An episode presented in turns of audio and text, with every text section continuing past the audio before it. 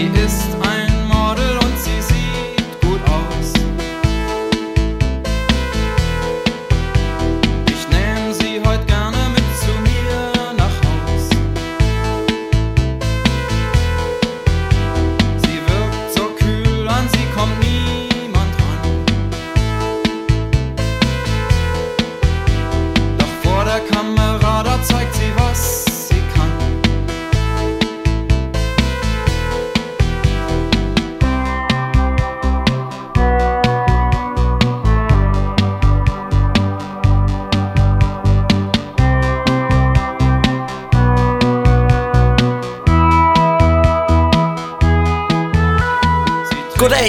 velkommen til Orange Snak. Mit navn er Kjartan F. Stolberg, og jeg har to fantastiske gæster med mig i studiet her til at snakke om nogle af de nye Roskilde Festival-navne. Det her er en podcast, der nemlig handler om Roskilde Festival, hvor vi kommer til at gennemgå så mange navne, som vi nu kan nå. Øh, vi er inde i den del af året, hvor at Roskilde virkelig begynder at, nævne, at annoncere rigtig, rigtig mange navne øh, i relativt kort øh, interval mellem hver eneste gang, der kommer nye navne. Så desværre tror jeg, det er meget usandsynligt, at vi får gennemgået alle navne, der er på Roskildes plakat, men vi vil prøve at få dækket rigtig, rigtig mange af dem i det her program. Hvem er du, min første kære gæst? Øh, jeg er endelig øh, hjemvendt efter noget tid væk fra denne podcast. Det er mig, Martina, som øh, har været med på podcasten før. Jeg har været øh, hende, du kunne trække på, når vi skulle lave øh, knæfald for krænkelseskulturen og offermentalitet. Jeg har været inde og snakke om kvindelige og queer ønsker til Roskilde Festival, nemlig.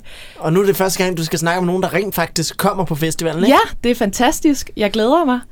Øhm, ja, Også selvom det ikke er nogen, som var med i din ønskeafsnit. Nej, men altså, der er, der er stadig meget at komme ja, efter. Altså, jeg glæder mig videre, stadig. Indtil videre har vi kun, øh, på tværs af de mange ønskeafsnit, vi har lavet, så har vi kun fået et ønske opfyldt, og det Ja. er Lingua Ignota. Men jeg håber, at vi måske kan få nogle flere øh, kunstnere fra vores ønskeafsnit øh, på plakaten. Det er jo bare generelt også godt at manifestere ting ud i universet, som vi har gjort med de her ønskeafsnit. Jeg tror, det bærer frugt på Ja. en eller anden måde. Det er jeg helt enig i. Hvem er min anden gæst? Jo, men øh, jeg er Nicolas. Jeg har været her en gang før og snakke om mærkelig blanding af afrikansk musik og jazz, og nu er jeg her for at snakke om mærkelig japansk musik, jazz og indonesisk musik og tysk musik og ja, det, det er faktisk kun en af navnene. Det andet navn blander også alt muligt. Øh, jeg har været på Roskilde 4-5 gange, så det er noget, jeg stræber efter virkelig at finde de mærkelige navne. Yes. Så det er fedt at kunne få lov at snakke om. Så vi har en øh, person, der er øh, ekspert i øh, krænkelsesmusik, Ja. og en person, der er mær- øh, ekspert i mærkelig musik. Det er jo helt, helt fantastisk.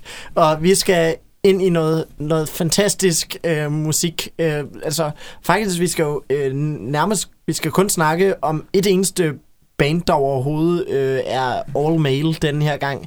Så det er... Øh, det, er det er jo virkelig sådan, vi, vi fører fucking banneret for øh, øh, de kvindelige øh, kunstnere, der er på Roskilde Festival Ja. den her gang. Martina 1, Danmarks befolkning 0. Altså, Ja.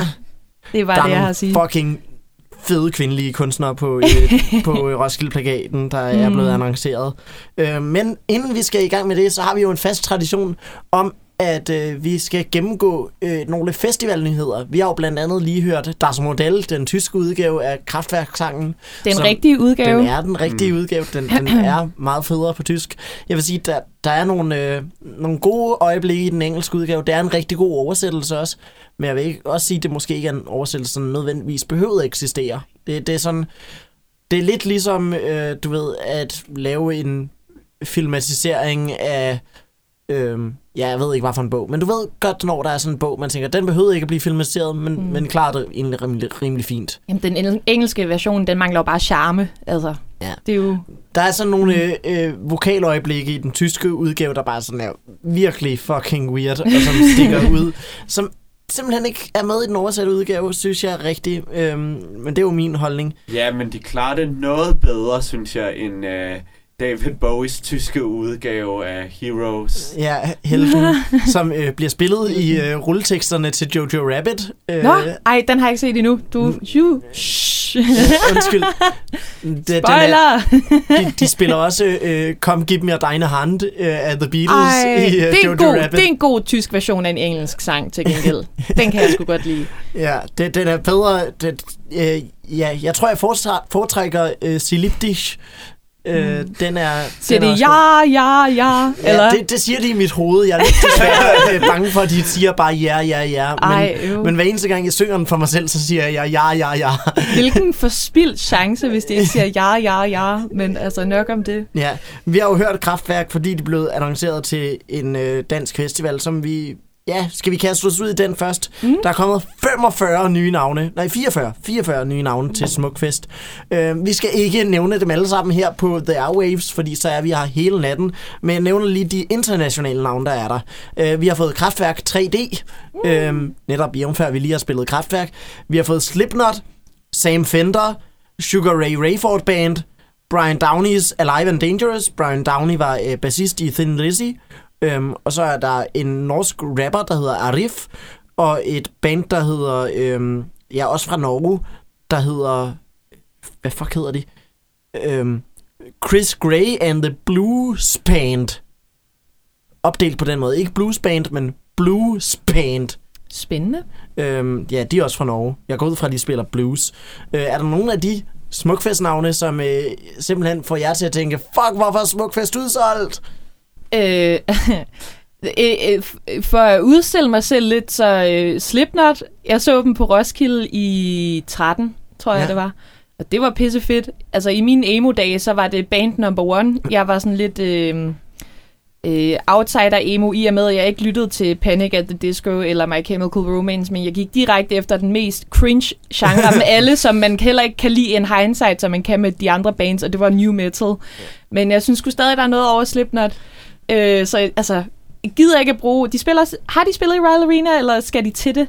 Øh, jeg mener, de skal til det. Okay. Øhm, fordi, Fordi jeg- jeg føler, at mit Ja. social network feed vil være overdynget af videoer derfra, hvis Ja. de havde spillet. Også fordi, at de har fucking Behemoth med som opvarmning, som jeg så Wait, gerne... what? Ja, de har. Behemoth med som opvarmning, og jeg vil virkelig gerne se Behemoth, og jeg er lidt ligeglad med Slipknot. Men Det, jeg, ved, jeg ved ikke, jeg, jeg er sgu ikke lige glad med Slipknot, også selvom det er in Ja. the past. Altså, jeg gider ikke bruge, Men- sek, jeg gider ikke bruge 600 kroner på at tage Royal Arena for at se dem, men altså, det kunne bare have været fedt. Og apropos Slipknot, altså jeg synes, det er Slipknot og Kraftværk kommer til Smukfest. Jeg synes, det er så... Det er meget absurd. Jeg synes, det er fuldstændig tonedøvt af, af, af Smukfest, men måske de gerne vil prøve at tage en chance og ændre lidt i deres øh, altså, I ved udvalg. jo også, at uh, Smukfest famøst har forbud mod moshing. Gud. Og de booker, i år booker de Slipknot, sidste år bookede de Stormzy. Hvad fuck tænker de på? Hvordan gik det med Stormzy? Er der nogen, der ved noget Jeg, om det? jeg har ikke hørt noget om det. Det var bare sådan, Storm, Stormzy var der. Øhm, jeg ved ikke, om han øh, lavede sådan kun de mest poppede hits. Sådan, hvis han bare spiller sådan Own It, så, Ja. sådan, så er der jo ikke nogen, der mosher. Nej. Øhm, men ja, jeg ved virkelig ikke, hvordan det gik med Stormzy. Mm. Altså, mit yndlingsbillede, der nogensinde er blevet taget, det er vist øh, øh, Martin Horn fra Blast Beats, der tog et billede øh, fra under Frank Carter and the Rattlesnakes på Smukfest for et par år siden, hvor der er en person, der øh, kommer med en papkasse, Nå ja, og på det har papkassen så står der... Øh, One more mosh pit, and we close the concert. Oh my god. Koncert med K og øh, cl- close med to ord. Og det er blandt andet øh, grund til, at jeg lidt havde ønsket... Altså, jeg, jeg sgu lidt ligeglad med Smukfest, men jeg ville ønske, at Roskilde havde nubbet Kraftværk og Slipknot. Ja. Ja. Ja, jeg så, øh, så halvdelen af Slipknots koncert på øh, Copenhagen sidste år, inden jeg bare begav mig over til den, øh, øh, til, øh, hvad hedder det, ja, koncerten ved siden af. Øh, det jeg så var overraskende godt. Jeg er øh, overhovedet ikke øh, den store Slipknot-fan, øh, og det var jeg især ikke dengang. Jeg er blevet meget større fan sidenhen, mm. fordi jeg er gået tilbage og besøgt nogle af deres tidlige plader, som optag til, at jeg skulle anmelde deres nyeste plade fra Metro Express, og, og deres tidlige plader er virkelig gode. Mm. Jeg forstår ikke helt, at den nyeste plade også har fået så meget hype. Jeg synes, øh, jeg synes ikke helt, hypen holder. Nej, men, gud, øh, det er faktisk... Jeg, undskyld, jeg kom lige i tanke om det. Det er lidt et sjovt tilfælde, men jeg tror også i 13, at Kraftværk og Slipknot Gud, spillede ja. på Roskilde, og de også, altså Kraftværk, havde også et 3D-show på det tidspunkt. Ja, Og det er noget, de har jeg kan se. 3D-shows i rigtig mange Ja. år i hvert fald. Ja, Det er noget, jeg kan se, fordi min far fik hovedpine, så skulle vi tage Ja. hjem. Det var Ja. dengang, jeg var 14, men og jeg ikke er kunne ret sikker på, at det passer, men det sjove er, at den her situation virker meget ekskæreste, jaloux ekskæreste. Det er, Roskilde har begge Helmier, og har de, ja, øh, har de ikke også Hjalmar på? de er også Hjalmar. Hjalmar. Wow. Ham snakkede om i sidste afsnit. Ja, men altså, jeg tror ikke, der er noget konkurrence. Jeg, altså, det ligger nok i, at øhm, Smukfest har jo annonceret, at de har ændret på tingene, så de kunne få større, større scene til at få større navne. Men der mangler lidt det der, man kender dem fra det der med at booke 80'er, Ja. 70'er, Ja. 90'er De, navne. de har uh, Manfred Manns Earth Band, så det er, det er jo et klassisk Smukfest-navn. Ja, men de har jo kun én sang, folk kender, så det er Ja. sådan... Ja, hvis øh, man tager sådan deres øh, præ-Earth Band-sange, så har de lidt mere. Jeg og godt jeg tror både, sige, de at- spiller øh, fra før de var Earth Band og, og efter de var Earth Ja. Men altså, god konspirationsteori der. De tredje øje, det er helt åbent. Ja. Det er fuldstændig... Øh, jeg Nå, tror, der er virkelig, noget. virkelig mange festivaler. Øh, så vi kan jo fortsætte. Mm. Øhm, der er nye navne til Vi Elsker 90'erne, Mm. som vi overhovedet ikke har dækket i den her podcast før, og det er jeg så ked af. Øh, men vi tager dem lige. De har få, fået booket A1, 5, Hathaway og Boomfunk MC's. Uh, okay. Så øh, tag til fucking Rødovre og se øh, Boomfunk MC's med Freestyler og de andre sange. Ja. Ej, jeg, blev, jeg begyndte at lytte virkelig meget til sådan 90'er Eurodance igen. Bare fordi det bare minder så meget om hyperpop og PC music. Ja, Så det, det kan da godt være, man skulle slå et smut på- forbi. Ja, Ja, altså hvis ikke i Rødovre, så måske... Rødovre er jo toppen af Vi Elsker 90'erne, men det er jo en hel turné. Ja. Øhm, men hvis man vil se de største navne, skal man vist specifikt til Rødovre. okay. Der er nye navne til øh, Jelling også. Øhm, de har både, fået booket nogle øh, små danske navne. De har fået booket Hugoam og Drew. Og så har de også nogle spændende internationale navne. De har fået booket Tom Jones og Hayseed Dixie. Mm. Er, er det noget, som får jer til at tænke, at de skal på Jelling? Tom Jones, det er sådan meget far. Er det ikke det? Ja, Jo. mere oldefaren. ja. Ja, han er virkelig gammel efterhånden. Men øh, det det virker også- som om han stadig er... Er det også Jelling, der har booket Duran Duran? Ja, Det, fordi at det, det er mest det, hvis jeg, det overvejede jeg faktisk kraftigt at tage til Jelling for Duran Duran. Ja, Ja, nu når ja, jeg mistede øh, dem på Tinderbox sidste år. jeg så dem på Northside for et par år siden, hvor de også... Øh, de, de, de kan fandme stadig starte en fest. Ja. Øh, stadig totalt charmeur. Ja. øh, genet, det, det kører fandme. Øhm, nå, men øh, i hvert fald, vi har også nye navne til Northside. Mm. Northside, de har booket Massive Attack, Hugorm igen, Little Sims og Kim Gordon. Jeg Ja. går ud fra, at du gerne vil se Kim Gordon, ikke Martina? Jo, jeg er faktisk ikke super meget inde i Kim Gordon og Sonic Youth, men jo, det vil jeg gerne. Jeg kan anbefale hendes nye plade, den er god. Ja. Og Massive Attack også virkelig meget, især hvis de får uh, Elizabeth Fraser med, som de har haft indtil videre på deres uh, mezzanine-turné. Ej, det vidste jeg ikke engang, de havde. Ah, Ej, jeg glæder mig endnu mere til at se dem på Northside nu. Altså, jeg, jeg, jeg prøvede engang på højskole øh, til en eller anden fest, meget fuld, at købe billetter til en af deres koncerter i Paris eller Amsterdam, fordi præmissen nemlig var, at Elizabeth Fraser, som hvis I ikke ved det, ude i, i, i Danmark, er øh, forsangeren i Cocteau Twins, et meget sådan anerkendt øh, shoegaze og dream pop band. Og jo, Og har en fantastisk stemme. på den mest kendte Massive Attack-sang nogensinde. Teardrop, ja. ja. Øhm, og så det er egentlig ikke, altså jeg kan godt lide Massive Attack, men det er helt klart, det der er force majeure, det er, hvis hun tager med. Altså, ja. Og se hende live, hun er ikke... At, Altså, at høre hendes fucking stemme i virkeligheden. Ja. Jeg er næsten sådan bekymret for, om hendes stemme stadig kan det, den kunne i 90'erne. Det tror jeg godt, den kan, altså af, af hvad jeg har set. Det er også mere sådan, hun har virkelig haft lav profil, efter Ja. de stoppede, så Ja, det lige vil bare være fantastisk at få muligheden for at se hende Men, live. men de sluttede jo også, hvad kan man sige, meget dårligt med ja. skilsmisse og stoffer, og det hele var igennem. Mm. Ja. Altså, Cocteau Twins. Ja, lige ikke. Massive Attack, Nej. men Massive Attack har desværre en historie med at øh, stoppe koncerter, hvis andre øh, navne spiller for højt. Så Mm. Nå, shit. Men øh, på Northside er der jo kun øh, højst to scener i gang af gangen. Ja. Og ja. den, hvis Massive Attack får en scene, hvor der er nogen i gang samtidig, så er det på en lille bitte scene, og man kan overhovedet ikke høre, hvad der er på den lille scene, hvis man er på den store. Så, øh, så det, øh, det, det føler jeg, det problem har Northside meget behendigt løst. Øhm, vi har nogle nye navne på Tinderbox også.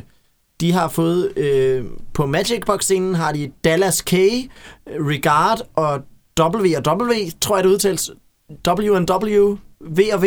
Jeg ved overhovedet ikke, hvordan Altså, jeg de- ved ikke, hvem nogen af dem er, så Ja. du skal ikke spørge mig det, det var på deres, øh, udtale. sådan virkelig EDM-scene, som, Ah, øh, ja, okay. og det er virkelig stereotyp øh, EDM, de kører der. Det Put er, your motherfucking hands up, duf, duf. Ja. Altså sådan noget. Nej, mere sådan, du ved, den der virkelig... Både den stil, men også den, der er, du ved, totalt meget... Øh, den virkelig poppede side af det, der er kommet i kølvandet på øh, Swedish House Mafia og David Guetta og den Ah. slags. Ah. Men jeg savner lidt den der tidlige 10'er EDM-lyd. Ja. Det synes jeg godt, vi, det synes jeg, vi mangler, i, når man lytter til P3.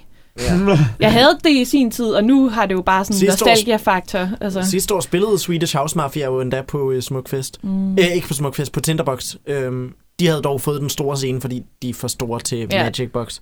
Øhm, men i hvert fald, så ud over det, så har vi også øh, til de andre scener, der ikke er EDM-scenerne, så har vi fået Snow Allegra, Casey, Bring Me The Horizon, Michael Kawanuka, Liam Gallagher, og hold nu fast, et gendannet Village People. What? Ej, det vidste jeg slet ikke. Der er virkelig en del Shit. af mig, der enormt gerne vil se Village People. Jeg synes virkelig, De altså... har fandme nogle bangers. Ja, Ja, men det, det er bare spørgsmålet, om de er gode til koncerter. Altså, hvis der er mange i LGBT blandt publikum, så skal det nok blive en kæmpe fest. Men altså,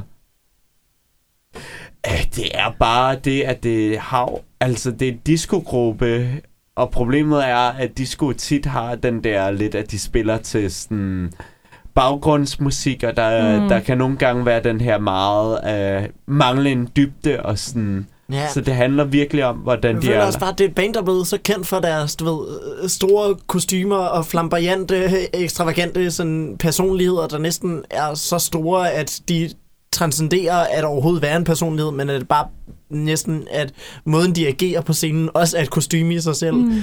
Øhm, Men altså, jeg, jeg kan huske, jeg tror, det var i 17, der så jeg Erasure, som jo også ja. er sådan lidt i samme, samme boldgade med, at det er sådan gamle queer-ikoner, der også er Ja. mega kitschy og sådan noget. ja. Og det var sinds, en sindssygt god koncert, Erasure og der var vildt god stemning, så jeg tror godt, det kan lade sig Men gøre. jeg er faktisk mega Erasure-fan, så for mig er det lidt noget andet, fordi Erasure altid har været sådan også et turné- og festivalsnavn på en anden ja. måde, mm. hvor Village People er mere et navn, end det Ja. er en gruppe på mange måder. De har også udskiftet bandmedlemmer i højre og venstre. Jeg, jeg er ikke ærligt talt sikker på, hvilken udgave af Village People det er, vi får Ja, okay. øh, her.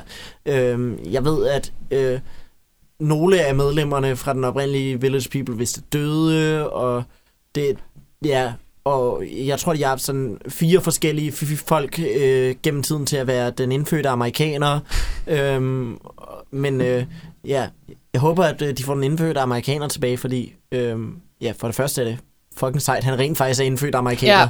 Ja. Øhm, og øh, så ja, det, det, det går jeg ind for. Men jeg øh, tror lidt, de har haft den samme forsanger kørende i, øh, i det meste af tiden. Mm. Ja. Selvom han er den eneste hetero i det band. Hej, nu er jeg skuffet over overhovedet at vide, at der er nogen heteroseksuelle i Village He's an ally, it's okay. Ja, He's very woke. nå, Og han er sort, så, så, så ja. Nu har vi også vi har fået noget nyt fra Copenhagen, som har annonceret Shit, vi bliver bare ved. 22 nye navne. Det er den sidste, vi skal, inden vi selvfølgelig også når til øh, Roskilde, som er øh, super vigtigt også. Øh, Copenhagen har offentliggjort 23 nye navne simpelthen. Og øh, ja, der er virkelig, virkelig meget at gå igennem i den her pakke. På Copenhagen får vi Nerved, Livesick, Ivy Crown, Thundermother, Ghost Iris, Svartsot, Søren Andersen, The Raven Age, Withering Surface, Soen, Chelsea Grin, Nyrdolk, Redwood Hill, Sacred Reich, uh, Death to All, som er et death coverband, Dog Eat Dog, Agnostic Front, Bad Religion, Devin Townsend, Meshuggah, Mastodon, Gojira og et By Request show fra D&D, mm. så man kan gå ind og selv stemme på, hvilke sange man vil have, D&D skal spille. Okay. Jeg håber, de spiller fucking meget fra deres cowpunk-periode. Det er, det er et interessant... Øh, en, det er en interessant idé. Ja, Ja. sådan Metallica og David Bowie har også kørt med nogle af den samme koncept Okay. på nogle af deres tidligere turnéer. Ja. Hmm. Øhm, men ja, jeg, jeg, jeg er spændt på at finde ud af, om det bare bliver sådan en total greatest hit show, når folk stemmer, eller om der er folk som mig, der bare går ind og fucking smasher den der Counting the Cattle-knap. Mm. Fuck, jeg vil gerne se DRD spille Counting the Cattle. Jeg har aldrig set DRD. Øhm, Um, de, jeg har faktisk set den, og jeg kan ikke finde ud af, hvad fansene går ind og ser dem for, om det er mere showet, så, så der er jeg bange for, at de bare stemmer hitsene. Men det er lige meget, hvilke sang de spiller, er de enormt underholdende. Mm. Selvom jeg er en person, der aldrig har været så meget til den, den slags rock der i slut 80'erne, som Tim Christensen kaldte pornorock. jeg, det er en relativt Tim god Christensen beskrivelse. skal overhovedet ikke sige noget om sådan dansk rock er nu den tid. Altså sådan... Nej, nej, men jeg, tror også, Tim Christensen er heller ikke kritisk. Han er Nej, hvert nej, nej, gode nej, venner nej, med nej. nogen. Nå, okay, nå, okay, det er okay. netop fordi, at han ville have, at Dizzy Miss Lizzy skulle være lidt pornorock med, med ild og sådan nogle ting til deres koncerter. Okay, så giver det meget bedre mening. Jeg har bare et meget øh, irrationelt horn i siden på ham. Det, det var Men derfor, er jeg reagerede så kraftigt. Han er faktisk en af de få sådan, store fra grunge-perioden, i hvert fald i Danmark, der var stor fan af flere glam rock bands. Glam metal, og, eller mere glam metal. Alle er jo fans af glam rock. Også, altså, jeg har ikke rigtig noget at sige om nogle af de navne, selvom jeg kender nogle af dem. Jeg synes bare, det er meget fedt, at det, da du nævnte dem, at det var sådan, Blood, Death, Dagger, Death to All, Søren Andersen, øh, Gojira, Behemoth, øh, Mastodon. Hvad, hvad laver, kender du noget til en Søren Andersen? Hvad, Øhm. hvad er han blevet booket for? Søren Andersen, han laver sådan lidt noget øh, øh, bluset hard rock. Han er sådan lidt en, øh, øh, hvad hedder det, øh, hvad hedder det, Joe Satriani rip-off Mm. type. Øh, men altså, øh, så derudover så har han været fast guitarist for Glenn Hughes, så det er han meget kendt for i metalkredse også. Okay. Øhm, og spillede blandt andet med Glenn Hughes på Glenn Hughes show sidste år på, øh, på øh, Copenhagen, som var et virkelig, virkelig godt show. Øhm, jeg øh, var, var totalt begejstret for det, Glenn Hughes leverede. Kommer han så til at spille Deep Purple stuff? Øh, Søren Andersen, jeg, Ja. ja. jeg tror, det er en blanding af noget Deep Purple stuff og noget af sit eget. Ja. Han er i hvert fald booket til den næststørste scene, så jeg regner med, at øh, han ikke bare kan, kan booke sit eget shit, eller spille sit eget shit. men jeg, Han har også spillet for D&D og Anne Linnet og alle mulige andre. Jeg er lidt i tvivl, når det kommer til Death to All, fordi der var for nogle år siden, hvor at Death kørte et, sådan, et tribute band, der bestod af folk, der havde spillet på Human-pladen og sådan noget. Øh, men jeg har lidt svært med at tro, at det er nogen af dem, fordi at øh, Sean, der var trommeslager for, hvad jeg tror var Human-pladen, døde jo her tidligere i januar. Ja. Men jeg, jeg hører, øh, alle folk, jeg kender, der har set Death to All, siger, at det er sådan verdens bedste coverband, Okay. eller noget i Fedt. den stil. Shit.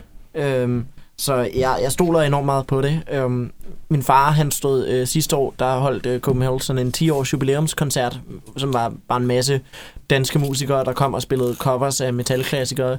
Og jeg kan ikke huske, hvilket death-nummer det var, de spillede, men min far stod ved siden af en gut, der bare sådan nærmest var begyndt at græde under Åh. den der death, det der death-nummer, fordi sådan, du ved, han stod bare og sagde, jeg troede aldrig nogensinde, jeg skulle høre det nummer, der spillede live. Og det var- Ej. Nu kan han komme til at høre det to år i træk. Det, Ja, det er sådan, og græd igen. Det er Ja. så fedt.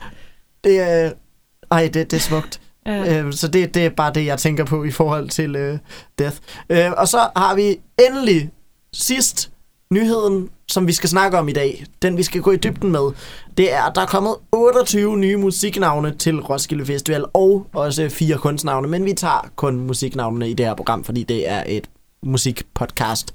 Øh, vi har Tyboy Digital, Fie, Fadertuben, Amanda Tenfjord, Youth Code, Tyler Childers, Squid, Special Request, Savers, Sampa the Great, Orm, OOIOO, Nyrdolk, MC Yalla and Debmaster plus MCZO og Duke, Lydmor X Corpus, Lou and the Yakuza, High on Fire, Heath, Girl in Red, Chancha via Circuito, øh, Anna Meredith, Young Thug, Casey Musgraves, Fatumu, Fatoumata Diawara featuring Angelique Kidjo and Mara Andrade, and Angel Olsen, Anderson Park and the Free Nationals, FK Twigs og sidst men ikke mindst Faith No More.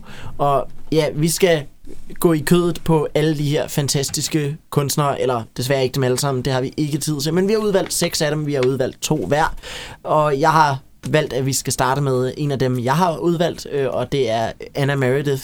Kender I to Anna Meredith overhovedet? Nej, det Jeg- vil jeg umiddelbart ikke sige. Jeg tjekkede hende ud og var ved at overveje selv at skulle præsentere hende, og var virkelig... Øhm, altså, synes der var virkelig noget til det, og hvis jeg husker rigtigt, så stod hun også for soundtracket til en ny Netflix-serie. Jeg Ja. kan ikke lige huske navnet, men hvor at det tema slog mig rigtig meget, så... Hun er enormt dygtig. Hun er sådan... Øh, altså, hun, før hun blev popmusiker, eller hvad man skal kalde det, hun er nu, øh, så var hun øh, mest af alt bare klassisk musiker og klassisk komponist. Øh, og hun er... Man kan så meget høre på hendes tilgang til popmusikkens verden, mm. at det er det, hun kommer fra. Hun, hun øh, er så nørklet og, og sådan ekstravagant i måden, hun sammensætter tonerne. Der er sådan altid en masse fucking absurde harmonier i gang. Der, der er intet øjeblik, hvor hendes musik sådan ikke har en masse kørende, som bare er enormt overvældende. Øhm, Og så er hun ikke bare hvilken som helst i den klassiske verden. Hun havde et af sine stykker blev spillet til den der årlige dag, de har i Britten, hvor de spiller det der klassisk musik, der bliver vist til 40 millioner mennesker, hvor en af hendes kompositioner blev netop spillet. Ja, og, og hun opnår bare noget helt vildt, når hun blander netop den klassiske tilgang med noget elektropop. Øh, det, det er som at høre bare sådan en helt synthesizer-symfoni hver eneste gang, man hører et Anna Meredith-nummer. Hun har også øh, her for et par år siden, måden jeg lærte Anna Meredith at kende, det var, at hun udgav et øh, konceptalbum, der var Vivaldis fire årstider, men sådan nyfortolket med en elektropop-vinkel, som Okay. var helt vildt, og jeg, øh, det, det er et album, der ikke har fået særlig meget opmærksomhed faktisk, men det er en virkelig speciel oplevelse også at lytte til det. Men hendes to studiealbum er originalt materiale, som ikke har været øh, lavet til noget soundtrack eller noget. De er også e- enormt betagende. Hun har, hun har sådan virkelig, det er som om, der altid er eskalerende stemning i hendes musik, som om det, det er altid bare ved at blive fucking vildere og vildere. Netop måske fordi, at hun har intet stillestående øjeblik. Det, det, det er næsten lidt for meget. Jeg spillede det for mine forældre her tidligere i dag, og øh, min mor øh, sagde, at Øj, det må du meget gerne stoppe med at spille snart. øhm, fordi det er simpelthen, det- der, der er så store sansindtryk. Det, det er virkelig Ja. overvældende at lytte til. Ja. Men, men det er en underlig ting, for ja, jeg er enig af, at der er et eller andet poppet i, og man kan måske godt bruge elektropop, men hvad jeg tror Hun bruger i mere, hvert fald hvis du er, instrumenterne fra elektropop. men det er bare meget dissonant alligevel. Det er den der sjove ting, som man kan mere finder i klassisk musik, end måske vil man se på Roskilde af, hvor at det har meget sangbare melodier, men det er også mega irriterende at høre på, øh, på den gode måde. Øh, så jeg tror mere, jeg vil anbefale det her til folk, der er fans som soundtrack til It Follows. Ja. Øh, fordi det er igen det der med, at den, er, den, man bliver lidt urolig af at lytte til det på den Virkelig? gode måde. Ja, Så det, så det virker også gyseragtigt, og det gør det også i den serie, jeg ikke lige kan huske navnet på, men hendes kvalitet netop er, at hun har den der sangbare ting, men det føles også virkelig forkert, så når der er et eller andet fejlagtigt på Yes. den gode måde. det sådan minder mig lidt om sådan øh, noget af det PC Music også gør. Ikke at de lyder som PC Music, Nej, men det er netop det, der er sjovt. men, for- men sådan, det, det er lidt sådan lidt for hyperperfekt, som om det er en robot, der har lavet musikken eller Ja. et eller andet. Og det, det går virkelig bare ind og irriterer din hjerne, men på en måde, der er enormt spændende. Sådan, jeg, jeg er... Jeg havde, øh, netop, jeg havde kun lyttet til hende tidligere, på grund af, at jeg faldt over, at Pitchfork skrev om den der fire årstider plade, og jeg tænkte, ui, det er et spændende koncept. Og så fik jeg aldrig lyttet til pladen, øhm, og jeg havde ærligt talt glemt alt om, at hun fandtes, indtil Roskilde bookede hende, og så begyndte jeg at lytte til hende igen, og jeg blev helt besat af det, hun har gang i. Det er så fucking vildt, det hun laver. Altså, hendes navn ringer også en klokke for mig. Det kan være, at jeg har stødt på hende under sådan Spotify Radio eller noget. Men generelt, altså, det, det er også som om, at de, synes jeg, øh, de artister, som, som netop springer frem lige nu, og har noget nyt og vigtigt og spændende at sige i forhold til sådan pop elektronisk musik, det har netop altså den samme profil, altså kvinder, der har været, haft en klassisk baggrund og laver noget andet, for eksempel altså Caroline Polachek, Ja. Ja. øh, for at nævne en, og så kan jeg også nævne flere, dem kan jeg bare ikke lige huske lige nu, men især, i hvert fald udenlandsk, men, men i Danmark for eksempel, altså, jeg føler sådan, alle, alle, folk, alle kvinder, der er i gang med at blive færdige på øh, RMC her i København, altså, de, de udfylder også den profil, og så Ja. også, ja, altså, Jeg vil sige, en kunstner, som også har en klassisk baggrund, som vi snakkede om i et tidligere afsnit, som hedder Li- Lisa Morgenstern, hun falder. Mm. også sådan meget ind i den samme profil med, at hun gør nogle spændende ting netop med et klassisk øh, musikbaseret øh, syn på, på det, hun kaster sig ud i. mm. Så det, øh, det, det synes jeg er ja, en, enormt fedt. Øhm, jeg tænker, at øh, jeg har virkelig lyst til at spille et Anna Meredith-nummer for dig. Så Ja. mindre du, Nicolas, har mere at sige om Anna Meredith, så synes jeg, vi skal spille noget. Nej, det tror jeg ikke, jeg har. Ja, her er Anna Meredith med nummeret, der hedder R-Type.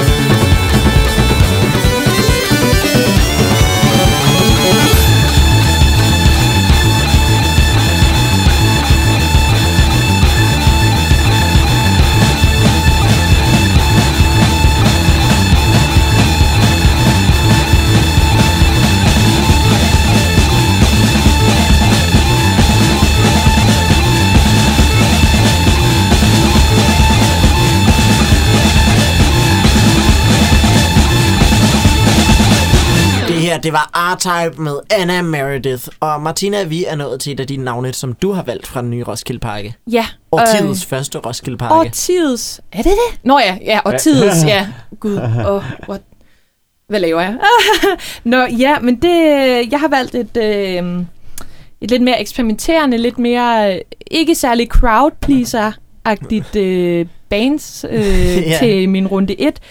Og det er øh, den elektroniske duo Youth Code, som er øh, består af Sarah Taylor, som er vokalist, sanger i bandet, og Ryan George, som ligesom øh, laver noget virkelig, virkelig fedt synth-drevet øh, elektro-shit. Det er sådan meget spartansk. Meget spartansk, øh, meget brutalt, meget, øh, meget inderligt.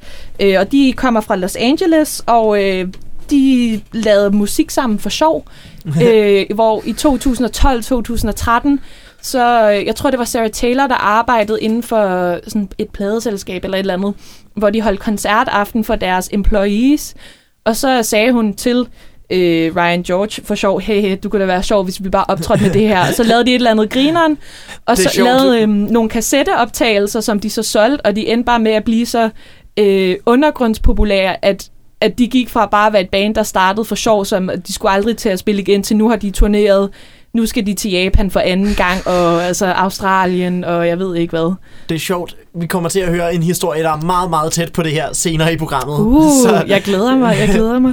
Ja, og også... Ja, Nå, tænker du på mig? Øh, Ja, og som også in- inkluderer Japan endda. Så det, det bliver Wow, spændende. shit. Der er øh, mange overlap, men vi skal tilbage til Youth Code, Ja. inden vi når til det. Øhm, altså, hvis man skulle øh, definere deres musik inden for en genre, så ville det være EBM, ikke EDM, men EBM, som står for Electronic Body Music. Ja, det er mit Øhm. yndlings øh, genrenavn i verden. Ja, og Øh, det, er- det er ret fedt. Jeg har kendt ikke til genrebetegnelsen før, men jeg har meget øh, længe, altså jeg har bare kaldt det for synth goth, øhm, Ja. fordi at jeg har lyttet til det ret meget, og altså jeg prøver at arbejde som DJ for tiden, hvor jeg laver lidt forskellige playlists som moods, og det har jeg arbejdet meget med for tiden, og det giver bare sygt god mening. Altså EBM, det er en blanding af sådan industrial og synthpunk, og øhm, altså selve, det behøver det ikke at have, men selve Youth Code har en meget øh, f- øh, 80'er-agtig vibe, og det er også der, den opstår med sådan øh, kunstnere som Skinny Poppy og Genesis Porridge fra blandt andet Psychic TV og sådan noget. Også øh, inden Ministry blev et metalband, lavede de, Ja, øh, lige lavede de. IBM. Det, Ja. det er sådan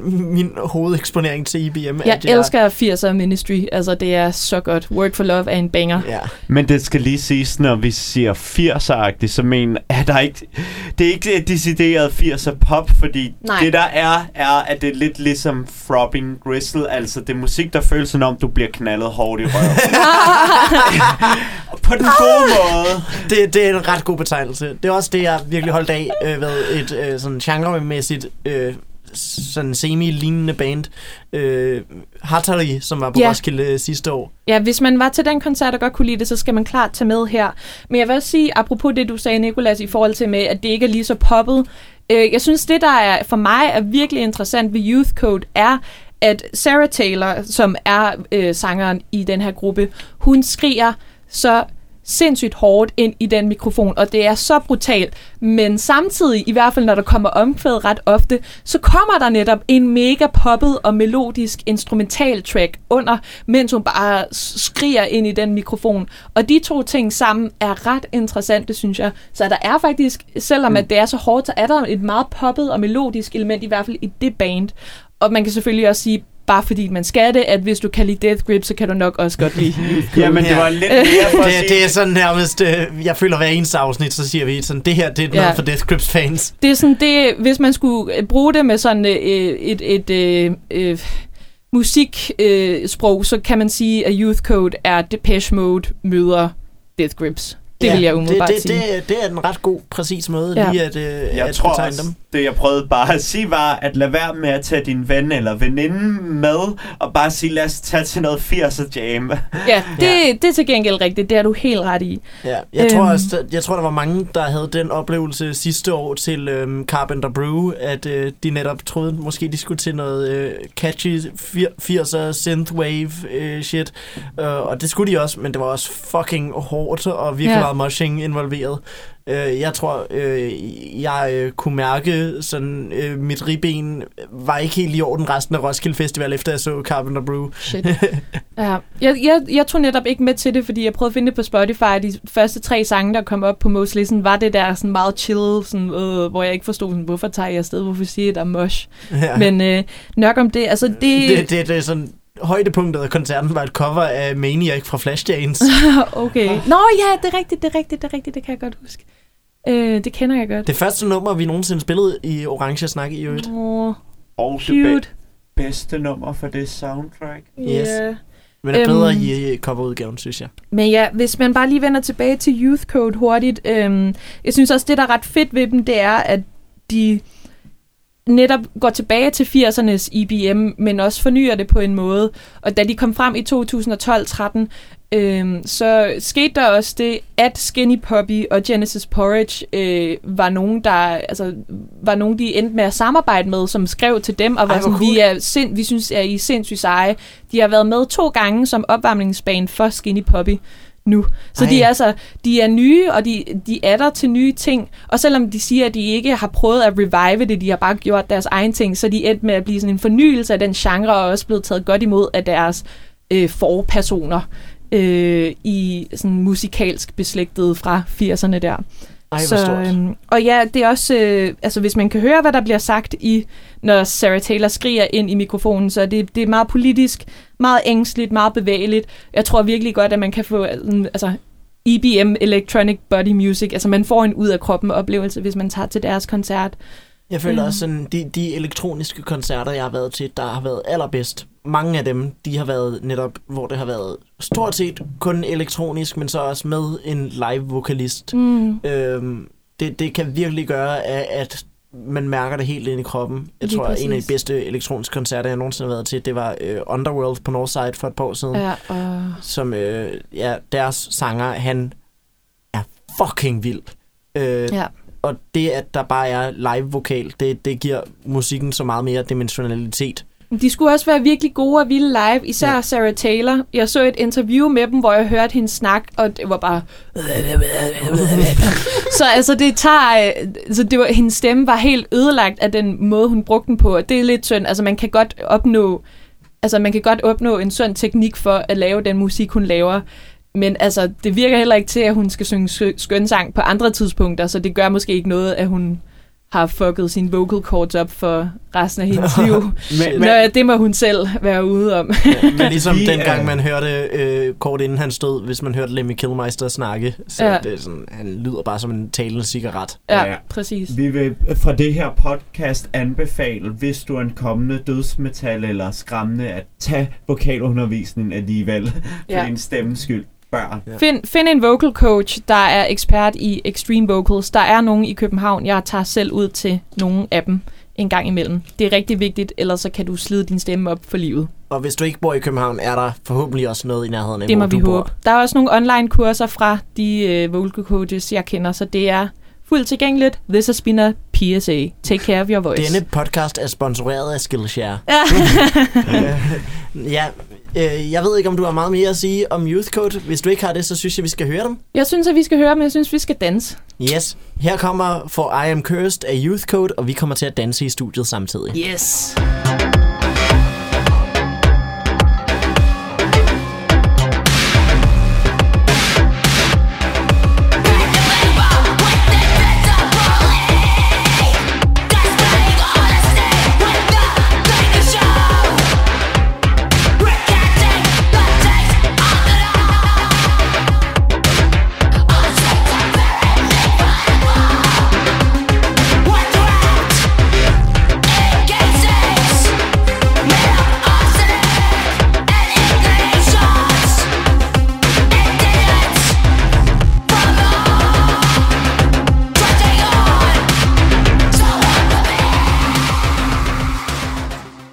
Dette var For I Am Cursed af Youth Code.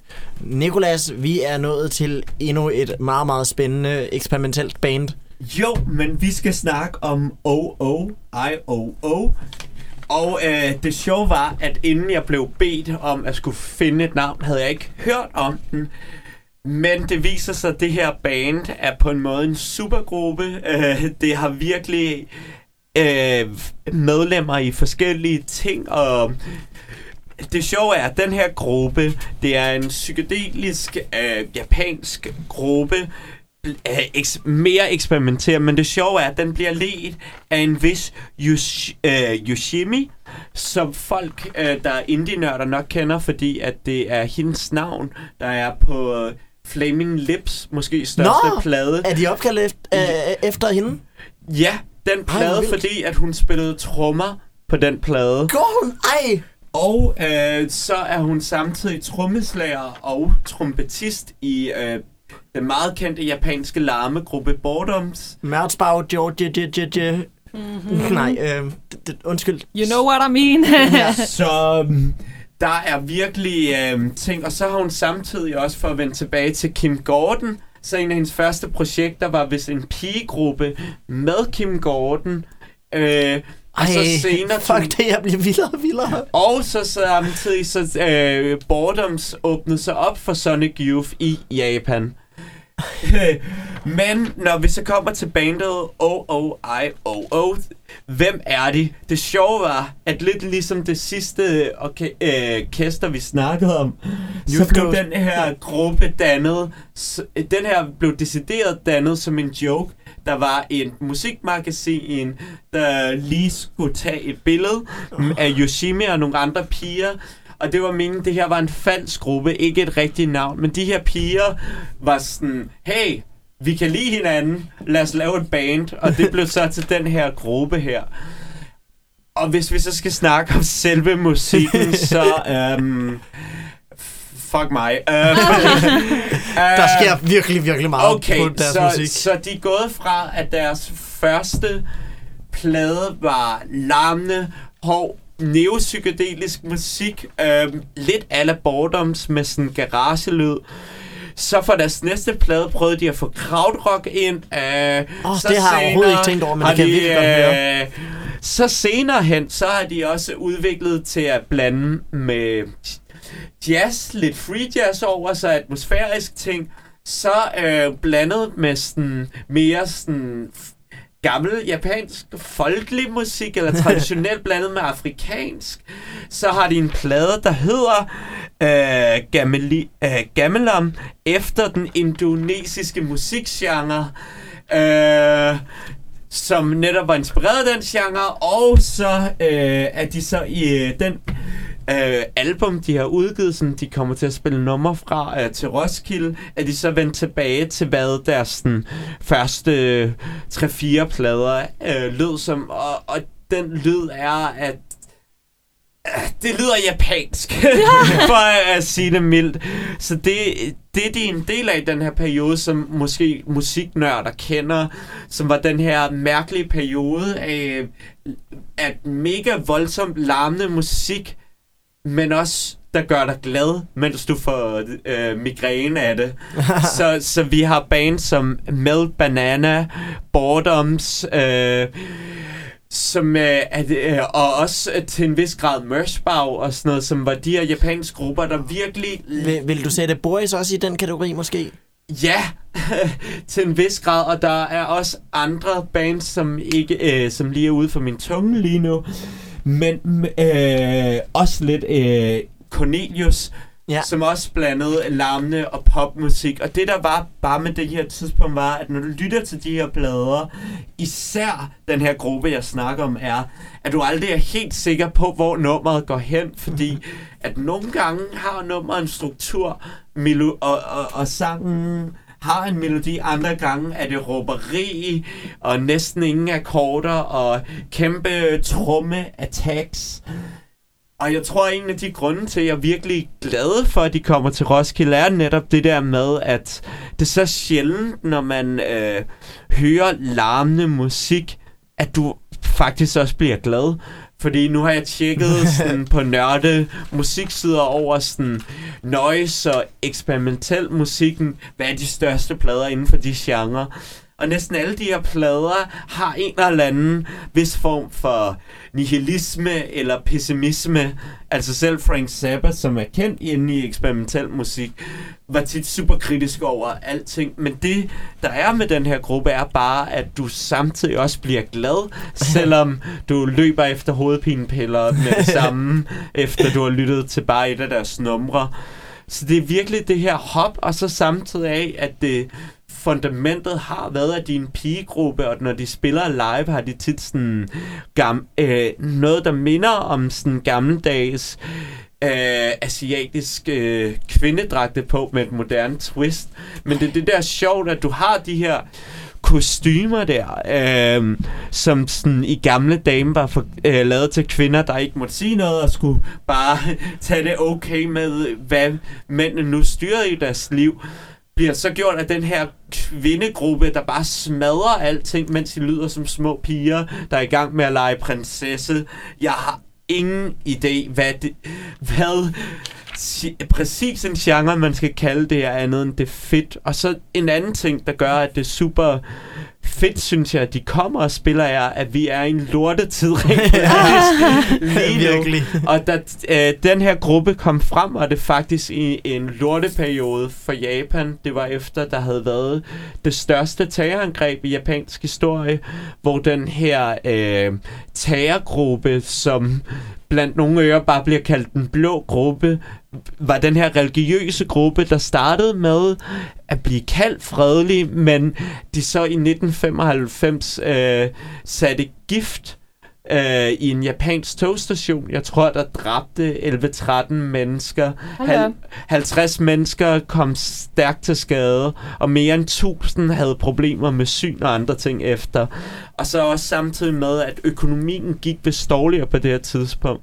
Så øh, jeg har set der nogle akademikere, der kalder den her periode sådan lidt mørke, men det sjove er bare med den her musik, at den så samtidig har grusomhed og ondskab, samtidig med, at den også er lalleglad. Og det er, har jeg ikke hørt andre steder end fra Japan og nogle af de her bands. Mm. Og derfor tror jeg, at det bliver rigtig nice at se dem. Og det ligner også, at de live-klip, jeg kunne finde, virker de også glade og underlige, når de spiller, selvom de er 40-50 nu til dags. Ja. Ja. Jeg tror sådan, øh, nu har jeg ikke sat mig særlig meget ind i øh, OIOO, men for det første, for hvert eneste ord, du sagde, blev jeg gladere og gladere Ja, for dem. Lige det er præcis. sådan, du har øh, solgt mig totalt meget på dem. Jeg, Vi, virkelig også. Det er fandme en stærk, øh, stærk PowerPoint-præsentation, du lavede Ja. ja. der. Øhm, og det er også, altså, i- forhold til nogle af de pointer, du selv nævnte, igen, nu lytter jeg ikke selv til dem, men altså det, som virker super tiltrækkende for mig, det er for det første, at det er eksperimenterende musik, men det er samtidig også grineren, som Ja. du nævnte. Altså, nogle gange så, så får jeg, er jeg sådan, jeg kunne godt tage ud på Roskilde her klokken to med mine tømmermænd og lytte til eksperimenterende musik, men det, åh, jeg kan bare Ja. ikke overskue det der, at det bare er sådan hovedløs kylling-agtig ja. mimik. Men det her virker, altså, det, det virker det bare ikke som, når du beskriver det. og det er sådan Nej. også enormt groove-orienteret, så Ja. man kan virkelig sådan... Ja, og Danse til det trommeslageren, der desværre døde for nogle år siden, var dejlig, og hende den nye virker også fed. Ja. Og, Fedt. f- og for det andet, så... Øhm, jeg synes også, det er nice, du nævner det der med altså, øh, altså nogle kvinder, der laver fed og griner musik inden for en eksperimenterende genre. Ja. For det er også noget, altså, det er også noget, jeg selv oplever, øh, altså, som jeg kan blive sådan lidt irriteret over. Øh, måske på en biased måde. Men hver gang jeg netop ser sådan en gruppe white dudes, som er blevet booket øh, til Roskilde, eller hvis jeg tager ud på Mayhem, eller hvis jeg tager ud i Ungeren, eller whatever, som laver sådan noget, haha, lol, vi gør det bare eksperimenterende musik, så sidder jeg bare og tænker sådan, hvad er pointen med det her? Hvad Ja. har du at miste ved bare, øh, bare at følge dit øh, instinkt?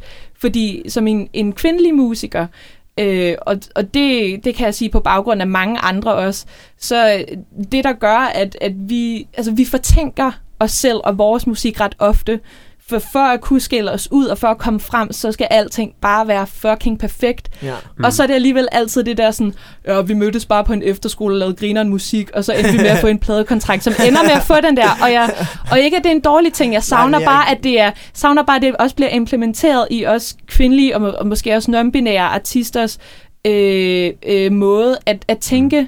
Ja. musik på. Så, Altså, så det alle betyder de noget helt- ikke skal være et fucking Ja. statement. Nej, og, og det betyder også bare noget helt andet, når kvinder kan gå op på en scene og bare spille fra sjov, end, end når mænd gør det, synes jeg. Altså, det, det, det, er bare, altså, det er bare en helt anden kontekst og et andet udgangspunkt, man tager. Så øh, tak for anbefalingen. Jeg glæder mig sygt meget til at se den på Roskilde. Yes. Øh, jeg øh, synes, vi måske skal til at høre et nummer af dem. Ja. Vi har virkelig fået hypet dem op nu. Ja. Øh, og så falder det bare til jorden, så snart vi hører det. det, det, det vil jeg godt sige dig. Det gør det ikke. I Okay. hvert fald, jeg synes personligt, det er enormt fedt. Øh, her er et nummer af OOIOO, der hedder Nijimu.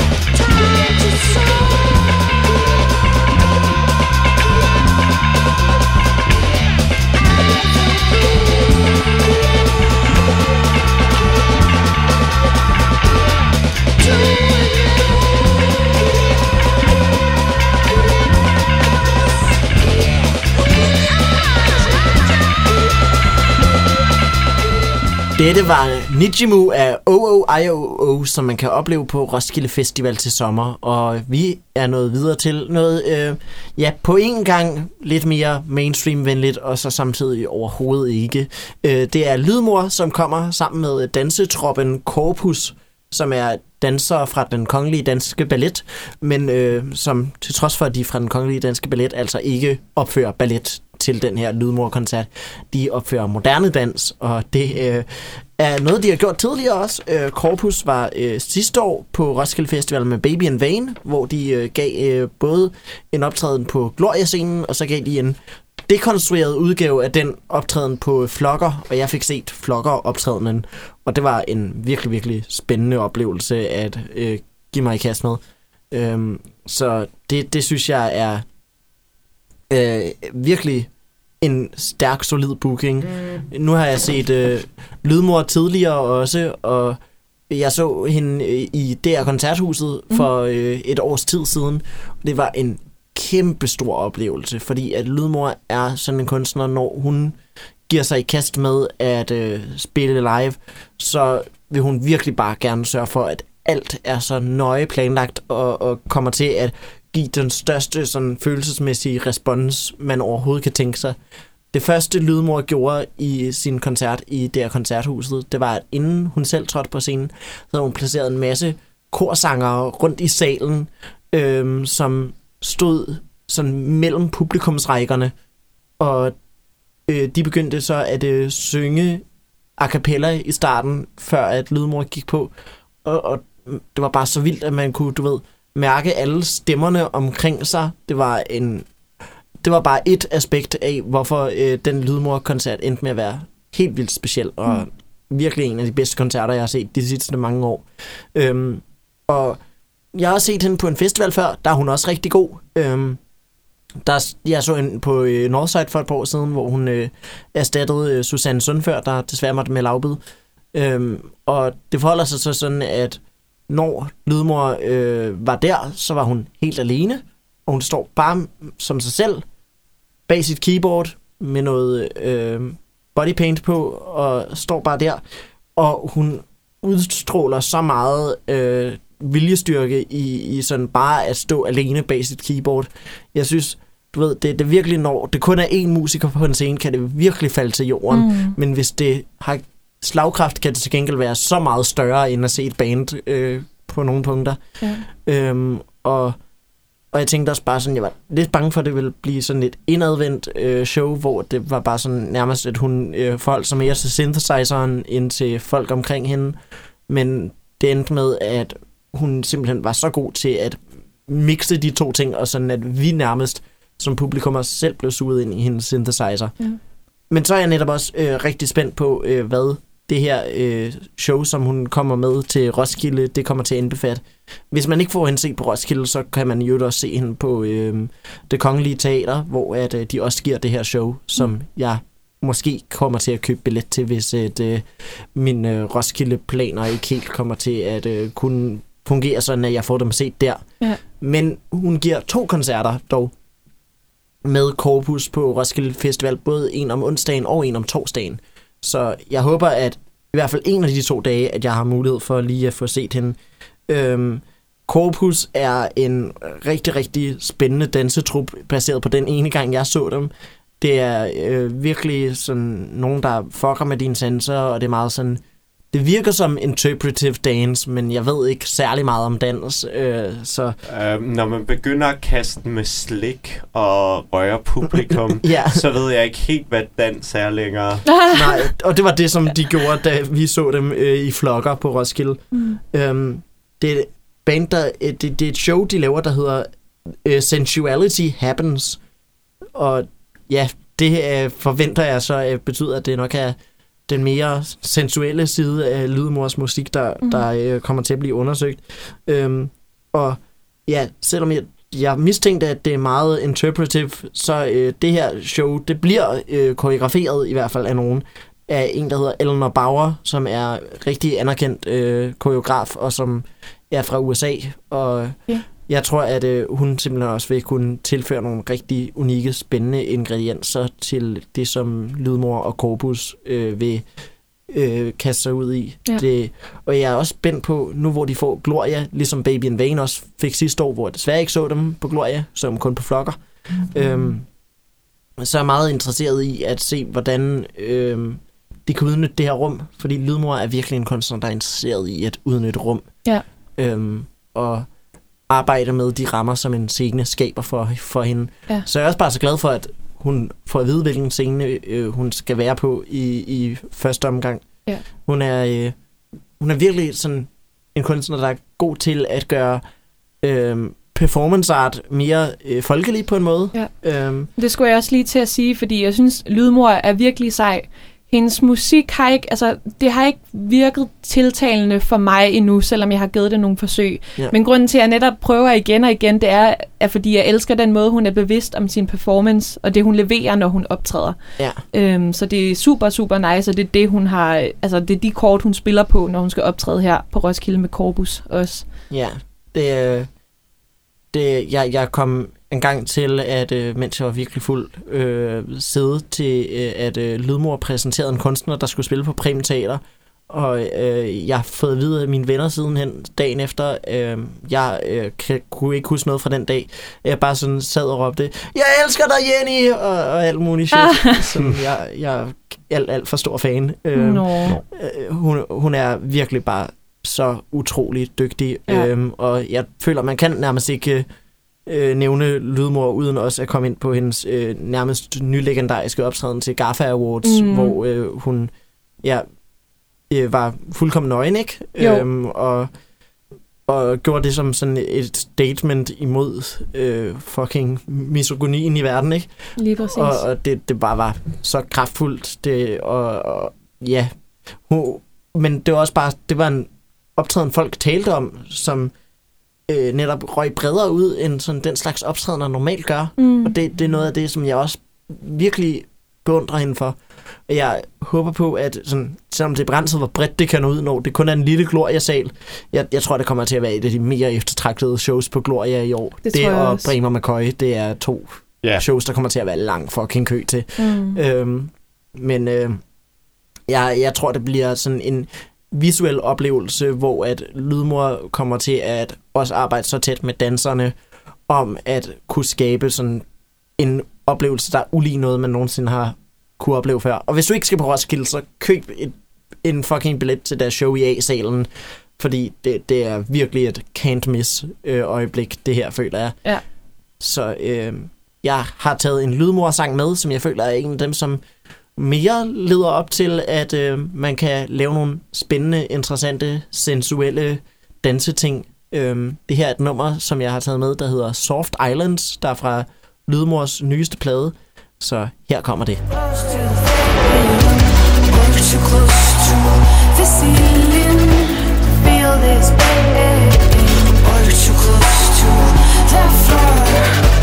Close to the fire, or too close to.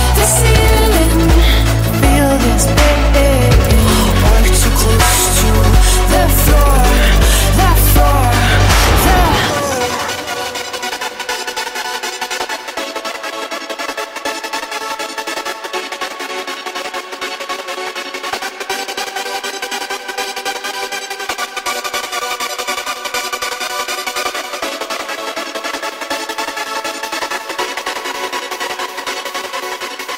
Det her, det var Soft Islands af Lydmor. Og vi er nået videre til, at vi har en ny spændende kunstner, vi skal få snakket om. En af de større navne i den nye Roskilde Park. Vi har jo været meget nede i nicherne, men Ja. her er et stort navn. Ja, Martina, hvem er det? Det er ingen ringer end uh, Angel Olsen, en uh, singer-songwriter fra født i, tror jeg, St. Louis, øh, og som nu bor, oh, det kan jeg ikke huske. Hun er i hvert fald amerikansk. Yes. Øh, Hun har udgivet fire album. Fire meget forskellige album. Fire meget forskellige albums, øh, og det er meget interessant at følge hendes udvikling i det. Hun starter øh, som en meget øh, introvert, øh, folk-inspireret sanger, øh, der netop kommer med en plade, der ligner det. Ja, jeg kan huske, Øhm. første gang jeg hørte om hende, så fik jeg nærmest solgt hende, som hun lavede alternativ country. Ja, ja. Øh, hvilket, Strange hun er i hvert Cacti, fald- jeg tror, hendes debutalbum hedder. Ja.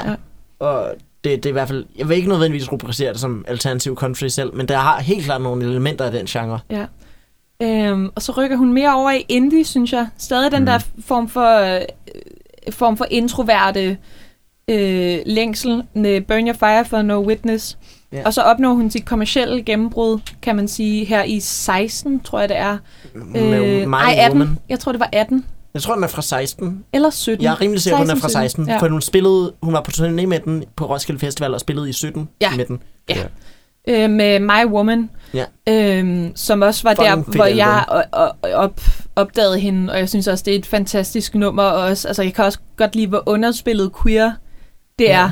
Altså, hun har en 20 minutter lang sang, der hedder Sister, som handler om sådan en længsel efter en anden kvinde, hvor at hun blev spurgt om sådan, hvad, hvordan, hvad, prøv, der var, der var et, et magasin, der interviewede hende, som spurgte ind til Sister og sagde sådan, Nå, men hvad er dit forhold så til din øh, søster, siden det er sådan en smuk sang? Og så svarer hun bare i en sætning, I don't have a sister.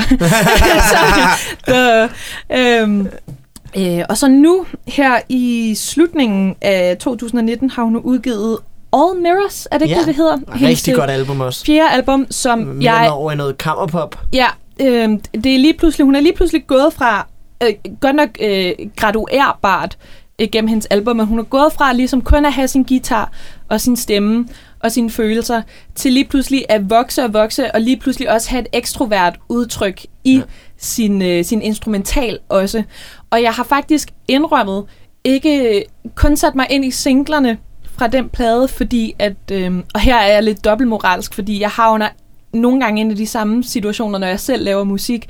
Men det, jeg elsker ved Angel Olsen, det er, at hun, det er hendes øh, kontante og konstante inderlighed. Altså, Ja. ja. der, hun, man, mm, hun, man får lyst til at lytte på det, hun siger, og man kan mærke hende igennem alt. Og det, jeg bare føler, er, at, at når hun har sådan en inderlighed i sig selv, og det lige pludselig også bliver afspejlet i hendes instrumentale tracks, ja. så bliver det så stor en mundfuld, at jeg bliver nødt til at sige til mig selv, det her, det her album, jeg skal have tid og øhm, plads i mit hoved og plads i mit hjerte til at kunne lytte det igennem, og det har jeg bare ikke haft endnu. Altså, det bliver lige pludselig for meget. Altså, det bliver sådan øh, for, for sødt, for sådan sirupsagtigt. Ikke på en dårlig måde. Altså, de singler, jeg har hørt, det understreger det, hun gør fantastisk, og det er super, super smukt, men det er også bare sådan, hendes stemme er også noget, jeg virkelig elsker ved hende. Altså, at hun, den kan, den er så god til at emote, den er så god til at vise, hvordan hun har det, hun kan croone på sådan en helt fantastisk måde. Men når hun har det, og hun også har en virkelig inderlig tekst, og hun også har sådan en, et, et virkelig svulmende backing, øh, backing band med, med stryger nu, og sådan kæmpe øh, synths, der bare sådan spreder sig i hele lydbilledet, så bliver det bare sådan lidt at stå op over bjergtinderne Ja. agtigt, og det er bare ikke altid, at når jeg kører igennem byen i min bus, at jeg, jeg er i det humør, så er det netop sådan mere spiseligt med bare Burn Your Fire for No Witness og My Woman, som er sådan guitar, sådan lidt øh, Johnny Cash-agtig vibe, at det er der, hvor øh, ra- rationen er perfekt. Ja, det, det er sådan... Der, der er sådan noget dejligt befriende over My Woman især, som jeg føler ikke er på nogle af de andre øh, plader, fordi jeg føler, My Woman er helt klart den mindst selvhøjtidelige plade, hun har udgivet. Mm. Og det, det er, der, der er sådan en fed kombination af, at det er sådan livet af landvejen, men det er også der er virkelig noget på hjerte samtidig. Ja. Øhm, og det er en kombination, jeg synes, gør musikken meget inciterende. Også selvom jeg tror måske, jeg vil personligt sige, at All Mirrors st- stadigvæk er min yndlingsplade af Angel Olsen. Ja. Bare fordi, at de der strygearrangementer er så utrolig smukke. Øhm, og nu, øh, Angel Olsen, hun har jo spillet for relativt nylig. Øh, hun spillede øh, dagen efter, at hun blev annonceret på Roskilde. Mm. Øh, så spillede hun i Storvægge, og jeg var inde og se hende. Var du også inde og se hende? Jeg var ikke inde og se hende, nej. Så du hende sidst, hun var på Roskilde? Jeg så hende sidst, hun var på Roskilde, der hvor hun fik to stjerner, desværre. Ja, både øhm, Agaffa og Soundvenue. Ja. Øh, og jeg synes også, jeg synes, det var en fin nok koncert i momentet, men jeg kunne godt se det bagefter. Altså, det var vist deres sidste dag på turnéen, og de var alle sammen virkelig, virkelig trætte. Ja. Og altså, Angel Olsen, når man ser hende live, altså hun er meget indelukket, og hun har, hvad man øh, på lidt nederen vis skal kalde for et resting bitch face. ja. så, og det, så det hjalp ligesom bare ikke, at energien i bandet var så var så lavt og Ja. nærmest bare slæbt sig hen over scenen i forhold mere- til at der var den at hun har den vibe i forvejen. Men jeg har til gengæld altså samme år da hun udgav My Woman, så så jeg hende også i koncerthuset. Er det ikke ja. det det hedder DR's koncerthus? Ja. Jo, Og det var helt sindssygt intimt og fantastisk. Og igen det der med, jeg kan godt lide det der med, at hun, at hun lidt er lidt stand-offish live, fordi at jeg ved samtidig godt, at jeg hører hendes musik og hører hende performe det, at hun mener det. Så det gør ikke noget, at hun står og er lidt reserveret, selvom hun er frontfigur ja. øh, i sit musikalske projekt. Og jeg ved godt, at du heller ikke var så glad for den. Øh, altså, vi, vi er begge to enige om, at den koncert der i 17 på Roskilde ikke var så god. Jeg så den ikke. Du så den ikke. Nej. Øh, men jeg så, så hende øh, i, øh, i øh, Store Vega ja. Her forleden. Og øh, jeg vil sige sådan, de numre, der fungerede bedst i Store Vega, var helt klart numrene fra My Woman og Burn Your Fire for No Witness. Mm. Øh, hendes band var ikke udrustet til at kunne spille øh, sangene for All Mirrors ordentligt. Nej. Det var de simpelthen ikke. Øh, hun havde en cellist og en violinist med sig, øh, men det var altså også alt, hvad der galt af klassisk instrumentation. Ja. Så de blev Ja. øh, alle sammen lavet om til sådan virkelig fucking tre pseudo post øh, hvor det bare var sådan vi laver den samme fyldige øh, guitarlyd over ja. hvert eneste nummer, der oprindeligt er sådan Ja. virkelig nøjagtigt, øh, præcist strygearrangement. Og den der fyldige guitarlyd, den er katarsisk nok i første omgang, ikke? Øh, første gang man lige hører den, men som man bare fortsætter med den, så det bare, det, det føles som om, at man bare hører det samme fucking pis igen og igen. Ja.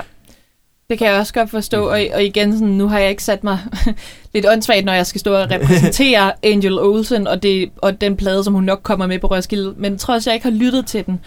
Øhm, så jeg synes virkelig ikke øh, en hindsight, at det var en god koncert på Roskilde i 17, men jeg har tillid til, at hun kan levere et eller andet intimt og smukt igen på baggrund af første gang, jeg så hende i 16 Ja. i, i koncertsalen, for det var øh, fuldstændig fantastisk. Ja, jeg vil også sige, da jeg så ind i Storvik, at der var jo blandt andet det, at alt blev lavet om til den her samme øh, ja, halvpostrokket øh, øh, suppedags, Mm. øh, som altså, ja, fungerede fint i starten, men, men bare blev, du ved, virkelig kedelig, som hvert eneste nummer nærmest fik den samme behandling. Ja. Øhm, så vil jeg sige, der var også ting, der virkelig fungerede. Blandt andet især Angel Olsens stemme. Det er sådan helt vildt, hvor god hun er til Ja. at synge. Øh, og, og sådan, hun har sådan de samme små, specifikke detaljer i, hvordan hun synger, når at hun gør det live. Ja. Og det, det er sådan, hvert eneste lille bitte knæk, det, det går helt rent ind. Hun, Mm.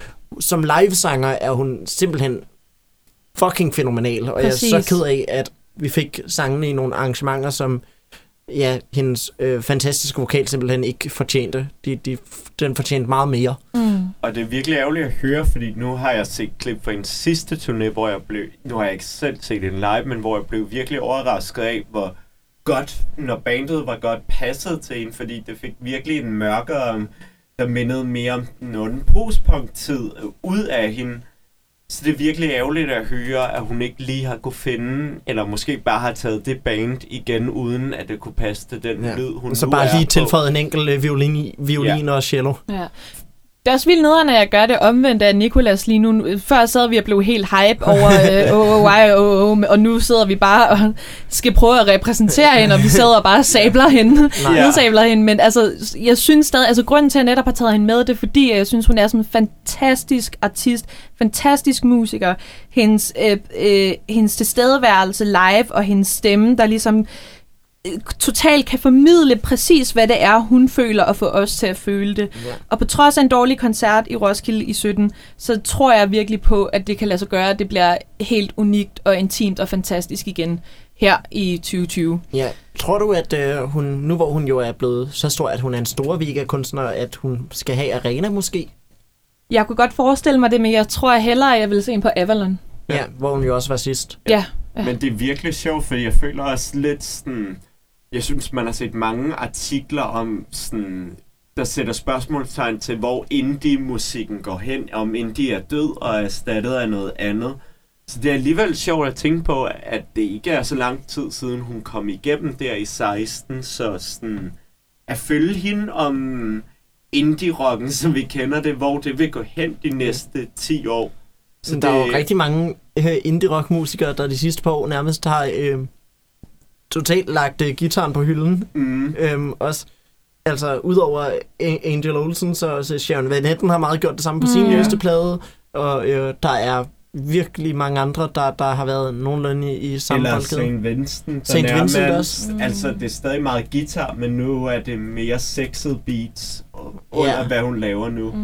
Men jeg synes også, altså, hvis vi Væk bare lige også. skal snakke kort om det, så synes jeg også til gengæld, at, at, med St. Vincents nye ting, at det ikke bare var fordi, at hun skiftede fra øh, analog til, til elektronisk, Nej, nej, nej, nej. men mere at hun også bare skiftede sound Ja. og genre også. Så det, Ja. det gav jo for mig mening, altså det, det er et helt andet sted, hun ja, er ja, nu. ja, ja, helt enig. og sådan er det for også at være for... kritisk, men det er Nej, bare nej, nej. fordi, at det virkelig, hun gjorde nogle interessante ting med det Mm. nye format. Præcis. Det er bare at sige sådan, jeg ved, hvor det her, den her samtale er om 10 år, fordi at man snakker om til festivaler, at, at de gamle indie-ikoner trækker færre mennesker til sig, Mm. Interpol og LCD Sound System, og mere nye rapper og sådan noget for uh, de store crowds, som tidligere havde været indie-rocken. Ja. Ja, The Men times they are sådan- changing. Ja, og det, det føles som om, at alle indie-rock-musikere øh, er simpelthen sådan, de vil gøre noget markant mere elektronisk, end de gjorde tidligere, hvis ja. man hører... Altså, Julian Casablancas med The Voids er jo øh, et meget mere elektronisk projekt, end det, han har lavet med The Strokes. Mm. Øhm, som Arcade Fire, der er Arcade blevet, Fires fucking lorteplade. der er blevet Arcade ABBA, eller hvad man kan kalde det. Gid de var. Det, jeg har et nummer, der overhovedet kan sammenlignes med ABBA kvalitetsmæssigt. Resten af det er bare noget fucking B. Øhm, Ew. Nå, øhm, og så, ja, der, der, der er virkelig, virkelig mange. Øh, jeg tænkte også på, øhm, ja, øh, Jack Whites nyeste plade, som er til gengæld fantastisk, øhm, synes jeg selv. Den, den er jo også markant mere elektronisk, end noget han tidligere har lavet. Han mm. laver så sådan, han lavede så sådan tilbage til rødderne-agtig retro-rock-plade med Raconteurs, men jeg føler bare nærmest alle allerede har glemt, at der Nå. udkom en Raconteurs-plade sidste år, Mm. fordi den, den ikke var særlig spektakulær. Den var god, den var solid, der var noget fin sangskrivning, men det er også bare en plade, man let kan komme til at glemme, Ja. fordi Ja. at, øh, det føles meget som om, at øh, hvis man prøver at lave ordentlig guitarbaseret indie-rock, så er der bare en virkelig been there, done that øh, agtighed over det hele. Øhm, så jeg synes, det spændende sker jo netop, når der er folk som Angel Olsen, der omfavner kammerpop, eller Sharon Van Etten omfavner synthpop mm. og sådan noget. Men det virker også bare, det er ikke engang sådan om, at artisterne, hvis vi nu siger, at indie rock er døende, løber væk fra det. Det virker bare sådan om, selv de store giganter har andre interesser nu, Ja. end Som den lyd. Julian Casablancas. Nu der er rygter om en, øh, eller vi ved, der er en ny Strokes-plade på vej. Jeg er spændt på at se, hvad The Strokes lyder af i 2020. Mm. Det, øh, og der er også rygter om, at de kommer på Roskilde. Så Ej. Det, øh, det, det bliver rigtig spændende. Jeg håber på, jeg glæder mig til det afsnit, hvor vi bare skal fucking nørde The Strokes. Ja. Det, øh, det bliver godt. Og jeg glæder mig mega meget til at se Angel Olsen. Ja. Gerne på Avalon eller Arena. Og jeg håber, at hun kommer til at spille den sang. Det gør hun nok, men jeg glæder mig til, at hun spiller den sang, som vi skal høre Jeg har en, faktisk en rigtig god anekdote om den sang. Oh, kom med. Fordi jeg så hende, øh, og jeg er glad for, at du ikke har nævnt, hvad det er for en sang nu. Øh, fordi øh, da jeg så hende i Vega, højdepunktet var netop den her sang, og hun sagde sådan, øhm, ja, vi, vi er, øhm, jeg har sådan, du ved, jeg er på turné, så har jo fået lyst til at skrive nogle nye sange, og jeg er på vej med en ny plade øh, her en gang i løbet af det næste års tid. Og så, øh, er det i orden, hvis jeg spiller en øh, ny sang? Og alle er sådan, ja! Yeah! Og så siger hun, okay. Øh, og så kigger hun sådan lidt på, på sit band. Sådan, det, det er en ret simpel øh, sang, der er sådan kun tre akkorder, så øh, I, I øh, hopper bare med. Og sådan bandet her, hvad fuck har du gang i? Øh, Nå, men jeg, jeg begynder bare, og så kan I hoppe med. I, I kan sikkert godt finde ud af det. Og, og så øh, øh, re, hele resten af bandet ser ud som, hvad fuck er det, der er i gang med at ske? Ja, ja. sådan, vi er overhovedet ikke forberedt på, at det her sker. Øhm, og så står hun der med sin guitar, og så begynder hun at synge de første par linjer af Shut Up, Kiss Me, og alle Åh. begynder bare at grine, og det, det er sådan, Ej, ej, det er så smukt. Og, sådan, og folk begynder at synge med, og hun er sådan, hvordan kender I sangen? Jeg har lige skrevet den. Og det, og det er også bare en sidste ting, inden vi spiller den. Også det, der er mega fedt ved hende, det er, lige så inderlig hun er, lige så meget humor har hun også. Altså Ja. sådan, hun kan godt tage Hun ironisk vir- distance til sig selv.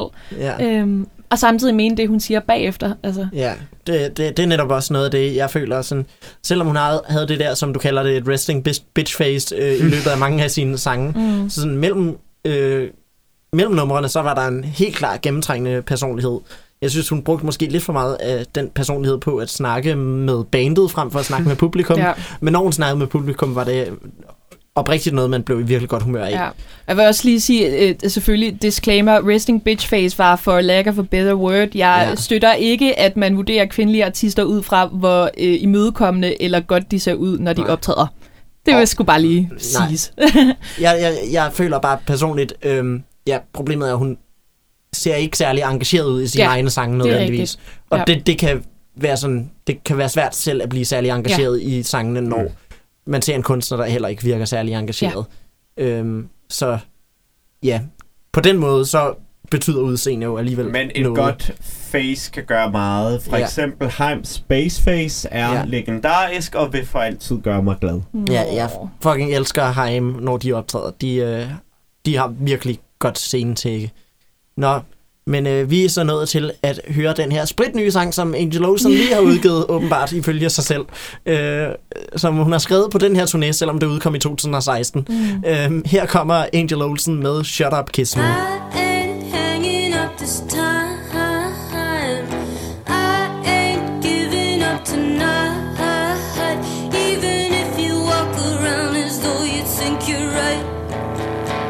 At wish to still believe it's worth the fight.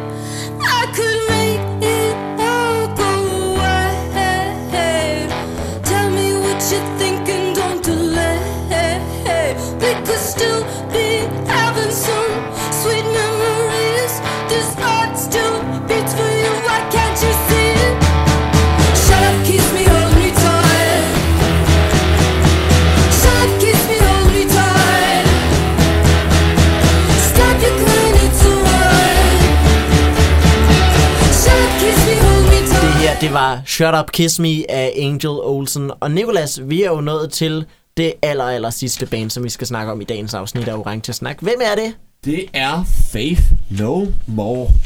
Yes, hvem er de? Dem, dem, øh, dem føler jeg, jeg har hørt om før. De står aller, aller øverst øh, på plakaten, så de må, de må være en ret stor deal. Ja og nej. I no, nej, men det sjove er, at sådan, jeg er faktisk kæmpe fan af det her band, og det sjove er, når man så læser artikler, hvad de forskellige magasiner skriver om det, skifter det fra at være det vigtigste band de sidste 30 år, til at være det der one-hit wonder, der aldrig, ja. øh, man ikke har hørt fra siden 89. Ja, det er så underligt sådan at læ- læse sådan VH1's liste over de top 100 bedste One Hit Wonders fra 90'erne, altså fucking Faith No More, der stadigvæk headliner festivaler over hele verden, er på den Mm. liste. Det er sådan virkelig underlig diskrepans. Må jeg spørge, hvad deres One Hit Wonder så er? Fordi Epic. Det tror jeg aldrig, jeg har hørt. Nej, men det er netop det, at det ligger, det ligger under en genre, der var massivt populær her i slut 80'erne, eller der var virkelig ved det, øh, hvor at, øh, man kaldte funk metal, som blandt andet var Red Hot Chili Peppers, Mm. øh, nogen der hedder Living Color, og også rigtig mange andre, et band der hedder Extreme havde et stort hit med det, og øh, Primus. hvad, og Primus, øh, som mere blev en del af 90'er ting, men det var meget populært at have sådan blød metal med store hooks, der også havde lidt mere en funk-rytme, at det trak Mm. mm. lidt mere i beatet, end bare var sådan pumpende, som metal ellers er. Ja. Så, men det der var med Faith No More er, at de altid har både kunne blive ved faktisk teknisk set at få hit og være totalt anmelderrost og have en stor indflydelse.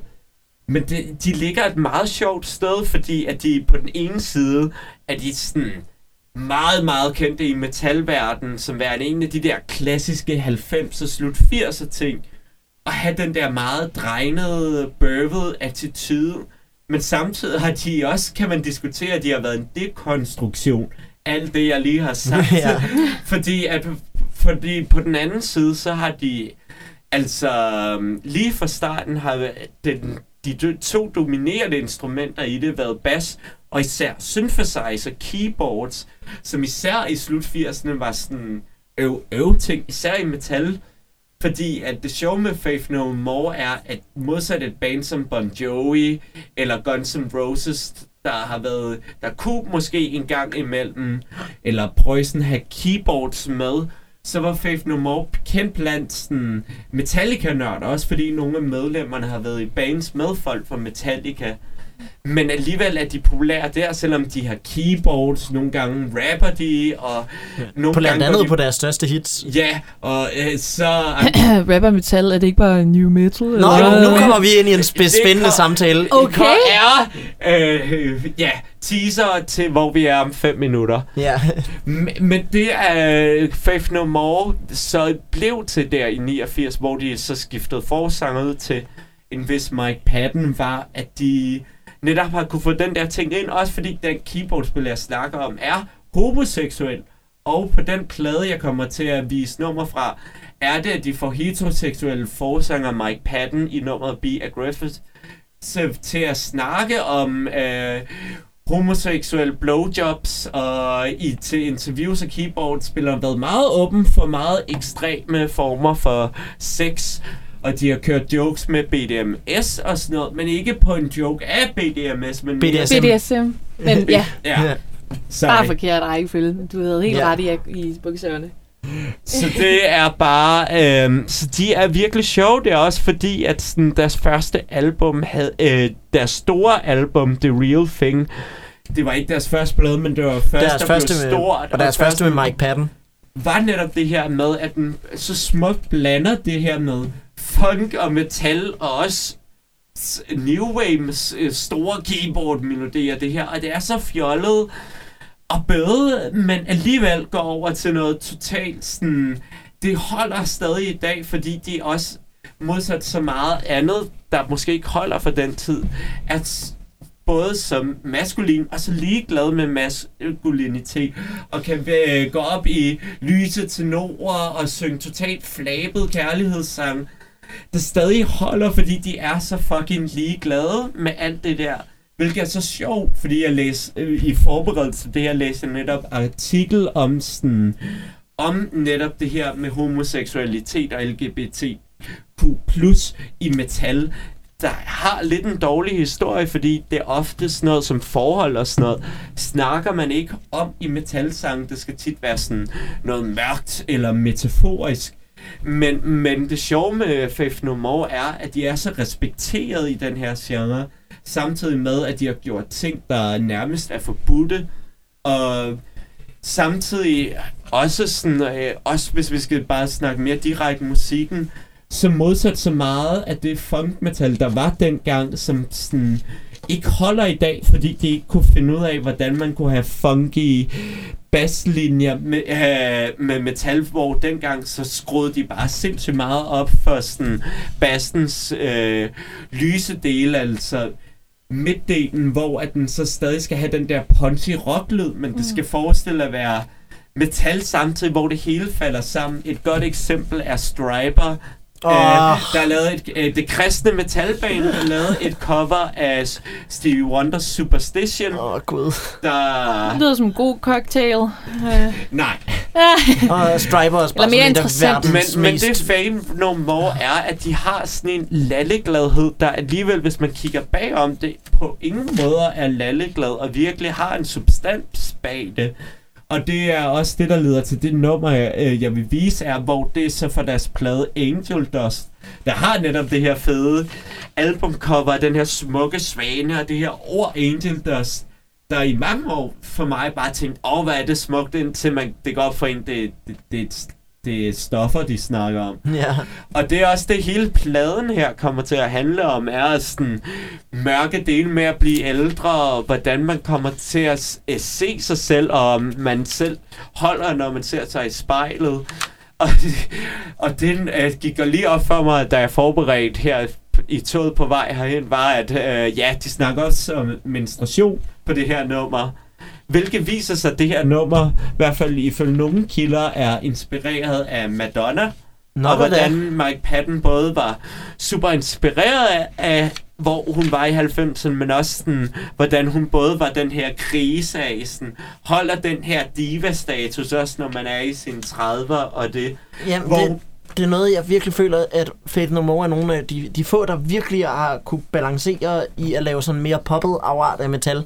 Fordi jeg føler rigtig tit, så øh, bliver det sådan meget tankeløst øh, smidt sammen, som at det bare er, at den eneste årsag til det er poppet, det er fordi, at du ved, ja, det, vi skal have et fængende omkød eller Ja. et eller andet. Men, men Faith No More gør det virkelig med en kæmpe stor respekt for, hvad popmusik har af virkemidler, og med en kæmpe stor forståelse for popmusikkens historie, Ja, som er øh, så meget noget, som jeg sådan elsker at iagttage. Det er også en af årsagerne til, at jeg synes, måden Poppy blander pop og metal også er, er super spændende i dag. Som Ja. lidt af en aftager til Faith No More, vil jeg faktisk sige. fordi det er også det, der er så sjovt i forhold til, hvor de startede, og hvor deres ting blev taget hen. Først var de en del af hele den her periode der, hvor man prøvede at få funken ind i rocken, der bare ikke fungede, fordi de ikke lyttede til funkpladerne. De lyttede til de der radiohits der, og skyndte sig ind i studiet, i hvert fald lyder det sådan om for mig, og fik mixet det ind i rocklyden, uden det fungede, hvor at Faith No More har så meget sådan respekt, når de tager for funk, og hvordan det skal mixes, og virkelig finder rigtig gode mixer og producer, der sørger for, at al lyden fungerer. Mm. Og det var også øh, derfor, øh, altså, da de fik en ny forsanger øh, på deres tredje plade, øh, The Real Thing, så var de kunne ikke have fået en forsanger, der var bedre end Mike Patton. Sådan både øh, på et rent teknisk plan, så er der virkelig nærmest... Der, der udkom en, øh, øh, akademisk undersøgelse for et par år siden, hvor der var nogen, der prøvede at finde ud af, hvilke populære øh, sanger, der havde øh, størst, størst register, og det endte med, at Mike Patton simpelthen toppede listen over både Mariah Okay. Carey og Axl Rose og alt muligt. Øhm, så øh, altså, han er virkelig teknisk dygtig, men også bare, altså, før han var i øh, Faith No More, og også samtidig med, at han var i Faith No More, men, men først så var han jo i et band, der hed Mr. Bungle, som er den vildeste fucking gruppe i verden. Ja, ja. Altså, de får Faith No More til nærmest at lyde, som om de bare er, øh, er hvad hedder det, en Iron Maiden-kopi. Hvilket de ikke er, på nogen Nej. måde. Men, men sådan, Faith No More, øh, altså Mr. Bungle er så eksperimentelle ja. og øh, stikker i så mange retninger, mm. men altid med kæmpe stor forståelse og respekt for det, men- som men- de trækker på. Men det skal ikke lyde sådan, om vi siger, at Mr. Bungle er bedre, fordi Mr. Bungle er en, et af mine absolut yndlingsting i den her verden, men Faith No More gør alle de her ting på en anden måde, for Faith No More kan også have for, øh, R&B soul-numre, har lounge-numre, har numre med cirkusmusik og sådan noget. Sådan, men- e- e- Evidence er jo nærmest sådan Ja. bare et rendyrket jazzfunk-nummer. Ja, ja. Men, men det, der bare holder, er, at de får den her essens af, hvad de gør, altid til at funge, hvor de går hen. Og faktisk Faith No More, nu synes jeg, inden vi slutter, vi lige skal nævne det, at Faith No More er en af de største inspirationer for, hvad der vil blive nu metal. Jeg vil faktisk være så våget at påstå, at vi med Faith No More har fået en bedre og vigtigere booking i den alternative metals verden og i rap metallens verden, end øh, den ellers meget eftertragtede Rage Against the Machine booking. Og jeg vil i hvert fald også sige, at sådan bare, øh, jeg har hørt nogle blandede ting om, hvordan øh, Zack De La Rocca er her nu i sin karriere, og hvordan han er live, men jeg har ikke hørt en eneste dårlig ting om, Mr. Bo- øh, om øh, Mike Patton, øhm, og hvad hedder det, jeg så Mike Patton sammen med dig, Nicolas, ikke for øh, et, Jo. øh, øh, to år siden på Roskilde Festival, hvor han var øh, forsanger i hardcore punkband, der hedder Dead Cross, og han synger bare maløst. Og han har også bare sådan en karismatisk personlighed, og man har lyst til at komme op og give ham en krammer, hvilket tre personer fra publikum fik lov til, og jeg er så jaloux på dem. Åh. Ja. Ja. Uh, men det, der vi nok også lige skal få med, er, at desværre er, at uh, Faith No More bliver set som den store inspiration fra, eller for det, der vil blive new metal. Altså, Desværre. Jeg er ked af det. Det er måske denne... Eller nej, det er den person, jeg er, og min holdning til den slags... Du har også objektivt set ret. Det er bare øh, Martina anno 2011, der er meget sur. Ja, der er, der, der er gode nu metal Ja, ikke? Slipknot, det- som vi kommer til, bliver faktisk set som det gode, så... Ah, okay, ja. Og, og hvad hedder det, jeg vil også sige sådan i forhold til øh, et andet Roskilde-aktuelt band, som startede som nu metal, men som sidenhen udviklede sig væk fra det. Deftones har virkelig mm. lavet nogle fede ting inden for den genre.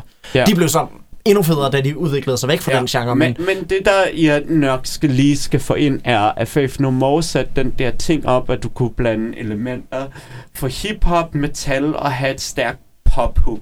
Problemet er, at som jeg sagde før, at ligesom den periode, de startede i, havde man svært med at finde ud af, hvordan man skulle mixe de her stil, især produktionen. Mm. Og da vi så nå, øh, kom frem til banen som Bizkit og det, det var så, at de sådan, tog de her elementer og skreg op for alt. Skreg op for hip-hop beatsene, skreg op for, hvor dårlig en mor han havde, eller hvad nu. På en måde, der lige meget sådan, hvad der egentlig var sket i de her forskellige sangers liv, eller rappers, fik, kom det til at lyde meget mere overfladisk. Ja. Fordi at de aldrig fik de her nuancerede elementer, Faith No More kunne få ind samtidig med, at de lød latteglade. Så i stedet for at komme mange af de her i new metal genren til at lyde sådan bøde på alt det forkerte måde, der bare mindede mig om øh, dårlige slåskampe i børnehaveklassen, og hvor sej en person er, og derfor er vi andre ikke seje. Ja, og det logik. Jeg tror øjeblikket, hvor, hvor alle øh, kollektivt indså, at øh, nu metal var en fejl, det var da Disturbed toppede hitlisterne med en sang, hvor i stedet for at have en guitar solo, så havde de bare sådan et minut af en mor, og- der slog sit barn. Og, okay. øh, jeg vil sige, der er flere øjeblikke. Der er også Limp Biscuits legendariske øh, Woodstock Festival koncert, tror jeg, hvor at øh, forsangeren øh, skulle vi, øh, vil være lidt romantisk og tog en guitar frem og ville lave en guitar solo, og, øh, og han sagde så, at hvis den her guitar solo var god, så ville hans gode ven i publikum have sex med en kvinde. Ej, oh Men, my God. og den her guitar solo er set som en af de værste i metallens historie. Så la- lad os bare sige, at nu metallen desværre... Og, og jeg respekterer, kan jeg lytte op, hvis der er meget musik, du kan lide fra den slags. Øh, jeg synes bare, at det er først nu, hvor vi ser med Poppy, der tager for den tid new metallen og gør nogle interessante ting med det. Ja, og ja, jeg føler, øh, at nu metallen i det mindste har givet os en masse bands, du ved, der har... Altså, ja, fordi Faith No More lavede sådan et fedt blueprint, som var så spændende, at du ved, mange prøvede at øh, komme med øh, noget, der var hen af den stil. Og jeg kan ikke bebrejde dem, hvis man lytter Nej. til et album Åh. som Angel Dust eller The Real Thing, at man vil gøre det efter. Og især ikke, da Rage Against the Machine så også kom og lavede rap metal. Øhm, og det har givet os virkelig nogle fede navne. Det har jo givet os øh, Slipknot, som virkelig kan noget, og det har givet os Deftones, som også, øh, du ved, især efter de lavede nu metal, begyndte at lave nogle virkelig, virkelig fede ting. Øhm, og det, det har jo også sådan i et vist omfang, øh, jeg vil sige, hvis der er et band, der har været meget aftager til det, som øh, Faith No More gør, og som også har gjort det virkelig spændende, så er det System of a Down. Øhm, så Mm. Øh, altså, og det er jo bands, som jeg i hvert fald holder enormt meget af, og som jeg synes er mere grænsesøgende end stereotypen på nu metal, også selvom de stammer fra lidt den samme røde tråd. Men ingen af de bands vil findes uden Faith No More. Ja. er Det skal også- Og det er derfor, det er et scoop, at de kommer Ja. på røs. Ja. Og det, det skal også lige siges, at Faith No More har sagt i hvert fald Mike Patton, at, at de har at skammer sig over, at de har været med til at skabe new metal-genren. Så, så øh, ja. Så de er ikke cancelled, de har undskyld. Nej, men jeg skulle lige til at sige, ja. De lavede en apology-video. Ja, men det, det, det, kan, det sker faktisk lidt i metal-genren, at du, eller i hvert fald tydeligere, at du kunne blive cancelled, hvis du blev for meget new metal-agtig. Så Ja. det var før canceling faktisk prøvede at stoppe voldtægtsmænd og sådan Ja, noget. dengang var det bare, hvis du laver et nu metal album, så øh, buede alle kollektivt Primus ud af metalscenen, indtil alle indså, Primus er fucking fantastiske igen. Damn. Øhm, Ja. så øh, det, det er vist hele historien om Faith No More. Jeg tror, vi skal stoppe den der. Ja. Vi har snakket rigtig meget om øh, et af historiens vigtigste rock- og metalbands. Mm. Øhm, jeg vil sige tusind tak til jer begge to, for at I gad være med i det her afsnit. ja. Ja. Tak fordi vi måtte. Ja, meget gerne. Og øh, nu skal vi spille et nummer af Faith No More fra Angel Dust. Det her nummer, det hedder Midlife Crisis. Og når jo, jeg vil også lige sige, inden da, gå ind og lyt til Orange Snak på Podimo, på øh, Soundcloud, på Spotify og på Apple Podcasts. Det her program bliver også sendt øh, i radioen på Rockkanalen hver søndag kl. 10 hver anden uge, det vil sige ulige ugenumre, så er det en genudsendelse af det foregående afsnit. Øhm, ja, og like os på facebook.com-orangesnakpodcast. podcast. Her kommer Faith No More med Midlife Crisis. I